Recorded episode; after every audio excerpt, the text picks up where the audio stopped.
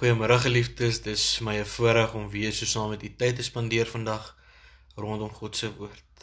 Ek nooi uit om saam met my stil te word en dan bid ons net saam. Ons Here Jesus Christus, ons sê vir U dankie vir hierdie dag wat ons uit U hand uit ontvang het. Dankie vir die geleentheid wat U ons gee om ook nou so stil te kom word rondom U woord dat ons toegang tot dit mag hê en dit mag aanhoor sonder om te vrees vir wat kom of vir vervolging, maar dat ons die vryheid tot geloof mag geniet. Here, ons sien dit so baie van selfsprekend, maar ons sê vir U dankie vir die genade wat U ook vir ons daarin kom bewys. Ons wil vir U vra om vanmiddag by elkeen van ons te wees waar ons stil word. Wil U gee dat ons deur U woord versterk en bemoedig sal word en dat ons ook daarin sal vashou. As die ware woord van God wat van waarheid spreek en waaruit ons kan vashou wat U vir ons wil gee. Mag U wil geskied en mag U ons kom lei deur die Heilige Gees. Ons bid dit in afhanklikheid in U naam alleen. Amen. Geliefdes, ek wil graag vanmiddag saam met u praat um, rondom die gedeelte van Jeremia 17 vers 5 tot vers 10. Daar staan so sê die Here, daar is 'n vloek op die mens wat sy vertroue in mense stel, wat sy krag soek by sterflike mense en van my af wegdraai. Hy is soos 'n kaal bossie in droë wêreld wat nooit water kry nie, 'n bossie wat in 'n klipwoestyn staan, in 'n braak wêreld waar niemand woon nie. Dit gaan goed met die mens wat sy vertroue in die Here stel. Die mens vir wie die Here 'n veilige vesting is. So iemand is soos 'n boom wat by water geplant is en sy wortels na die stroom toe uitstoot. Nie die hitte voel as dit kom nie en altyd groen blare het. 'n Droë jaar raak hom nie en hy hou nie op om vrugte te dra nie. Die hart is belangriker as enigiets anders. Hy is ongeneeslik. Wie kan hom verstaan?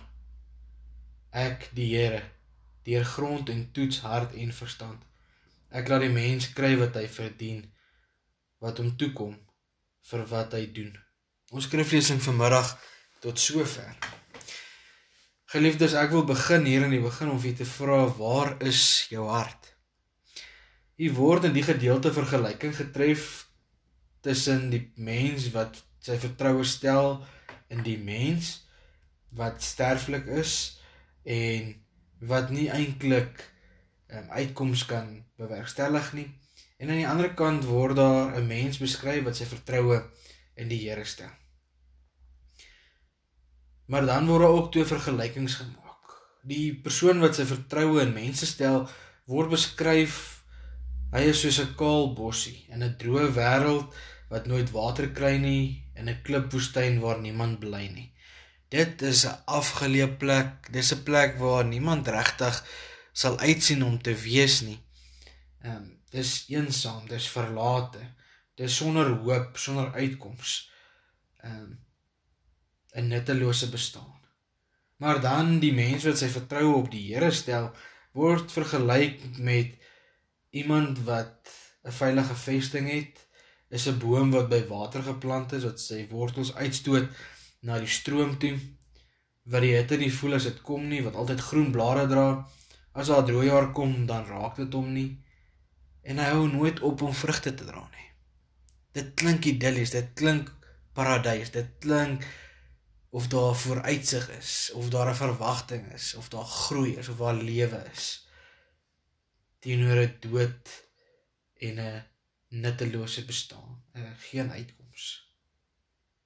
Maar dan sal ons op die einde van die dag sien dat die mens wat sy vertroue in die mens stel en die mens wat sy vertroue in God stel, op die einde van die dag bepaal word deur die hart.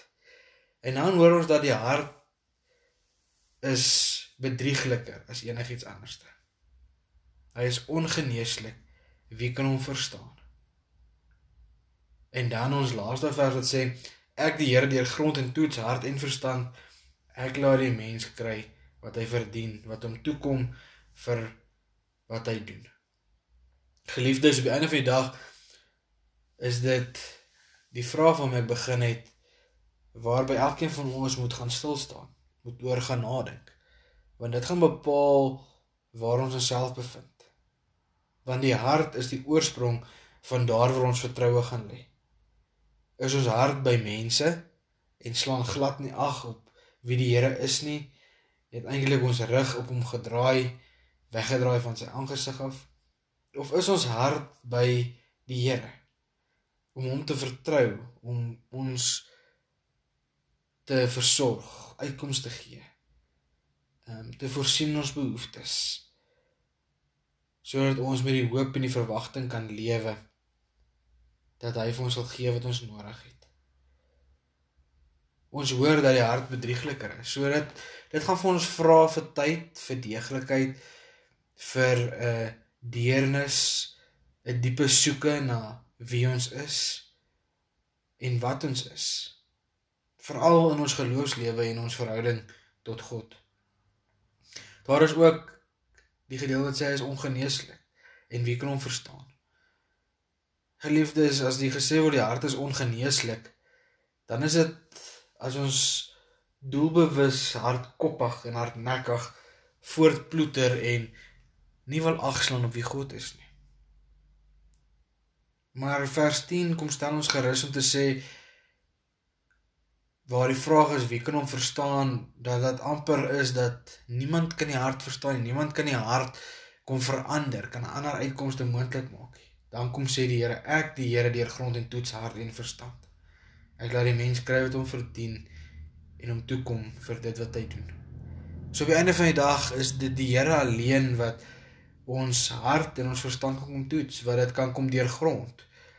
En omdat dit deur grond is om dit in die totaliteit te kom binne dring, te kom verander, te kom omdraai na die Here toe.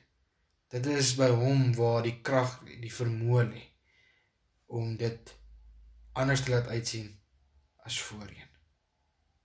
Want daar sal gevolge wees, daar sal gegee word wat verdien word.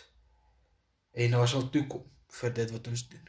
So ons gaan ook verantwoording moet doen oor waarin ons ons vertroue gestel het eendag in wie ons ons vertroue gestel het. En dan is die vraag weer, waar lê ons hart?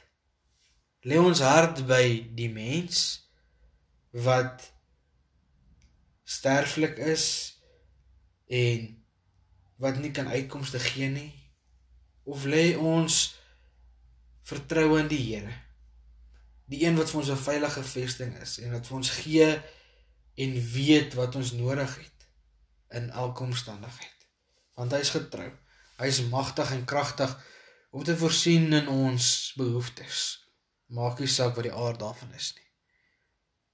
Geliefdes, ek sluit af weer eens met die vraag: Waar is jou hart? Kom ons bid saam.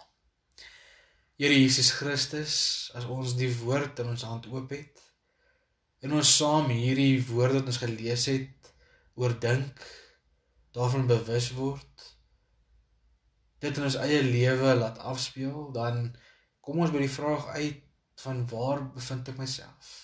Is my vertroue in mense of in die Here? En Here, baie keer is dit eintlik vir ons 'n hekkie of 'n struikelblok in ons pad want ons vertroue is in U, maar met tye moet ons erken en moet ons bieg en U genade vra want dan wil dit lyk asof ons ons vertroue wil oorskuif na mense toe. Maar Here, ons wil vir U kom vra kom help ons, kom maak ons sterk. Kom lei ons terug deur die Gees na U toe, dat ons volkome ons vertroue in U sal stel. Dat ons werklik soos wat hier beskryf word 'n boom sal wees wat by 'n waterstroom geplant is, wat sy wortels uitstoot na die water. Dat ons sal groen blare hê, dat ons nie deur die hitte of die droogte geraak sal word en sal aanhou vrug dra, want U is ons 'n veilige vesting dat ons die verlare verlore en verlate sal voortbestaan soos 'n bossie wat in die vlakte homself bevind sonder uitkoms sonder heenkome in alleenheid besig om te vergaan sal wees nie. Die Here kom deur grond ons hart kom bring die verandering wat nodig mag wees. Kom trek ons nader aan U kom gee dat ons volkome en toegewy tot U sal leef. Met ons hart maar ook met ons verstand. Sodat wanneer ons moet rekenskap gee, ons dit ook sal doen met die wete ek het na die Here se wil gesoek en ek het gehoorsaam daarop gereageer en geleef in my lewe. Here, kom wees ons genadig, kom hou ons vas in die liefde. Kom stap saam met ons elkeen ons lewenspad. Dalk onseker, dalk worstel ons, dalk top ons. Dalk vra ons vra en twyfel ons. Here, kom ontmoet ons in ons omstandighede. Kom wees getrou en kom gee vir ons uitkoms binne u tyd en u wil. Ons kan nie vir u voorskryf nie, maar ons kan vir u vra om u genade en u liefde aan ons uit te stort en aan ons te gee in ons lewe. Ons dankie vir u seën, Here. Dankie dat ons elke dag mag opstaan, mag uitsien na nog 'n dag wat u vir ons gee na nog 'n geleentheid om u te vereer, om gehoorsaam uit te leef tot dit word u ons roep. Here, wys vir ons die pad. Gee dat ons u veroorsaak. Beskerm bewaar ons en hou ons veilig. In u naam bid ons dit. Amen. Geliefdes, mag jy 'n geseënde dag hê. Groete vir elkeen by die huis.